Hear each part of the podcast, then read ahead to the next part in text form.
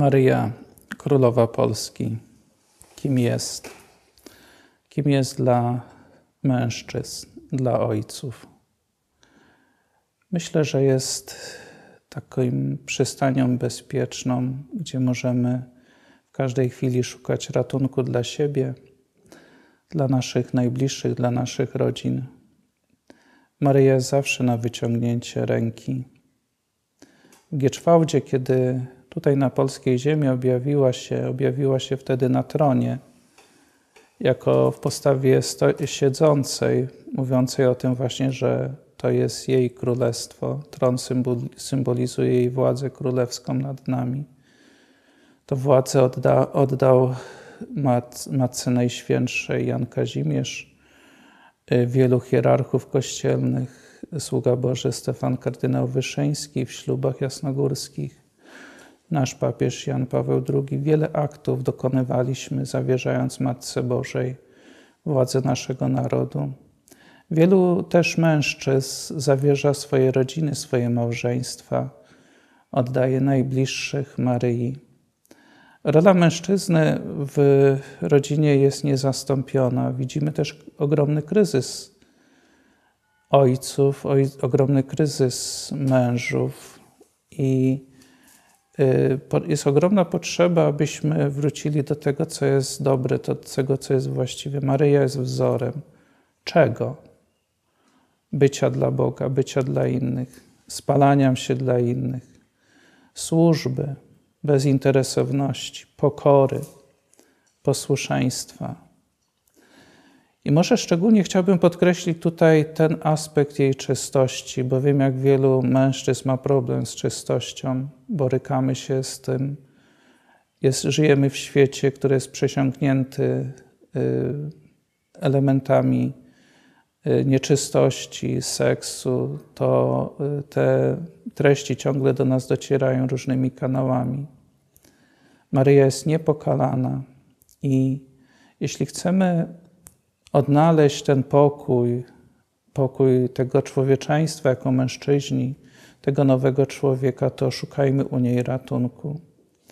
Pamiętam na jednych rekolekcjach ignacjańskich Y, ojciec prowadzący te rekolekcje, mówiąc właśnie o czystości, mówił, dawał taką dobrą radę, zresztą za jednym ze świętych, żeby codziennie odmówić trzy zdrowaś Maryjo w intencji właśnie trwania w czystości tego, abyśmy, aby nasze serce było czyste, nieskalane, tak jak Maryi i y, kolektę, czyli modlitwę przed czytaniami z niepokalanego poczęcia Najświętszej Maryi Panny z 8 grudnia.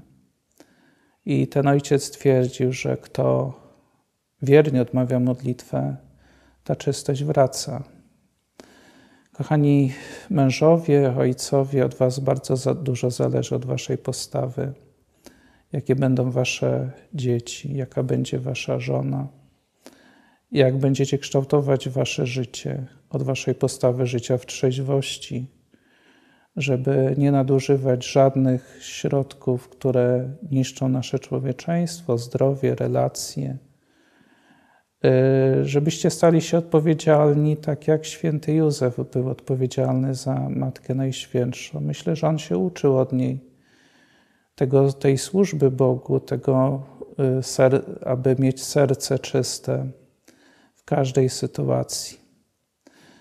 E, na Was spoczywa wielka odpowiedzialność też przed społeczeństwem, bo to Wy głównie kształtujecie społeczeństwo, poglądy, budujecie tą nową przyszłość dla swoich dzieci, dajecie przykład przede wszystkim swoim życiem. I tutaj chciałbym prosić Was, abyście zaczęli y, słowem i przykładem uczyć dzieci wiary.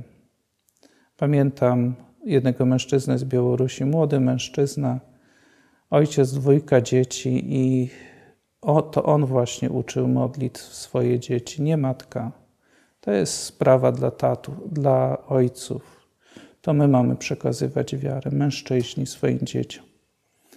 I nigdy nie spotkałem tak rezolutnego dziecka, jak właśnie jego syn, sześcio czy siedmioletni, te, to zrozumienie wiary właśnie, bo ojciec mu przekazał. Nie chcę umniejszyć roli matki, ale rola ojca jest bardzo ważna.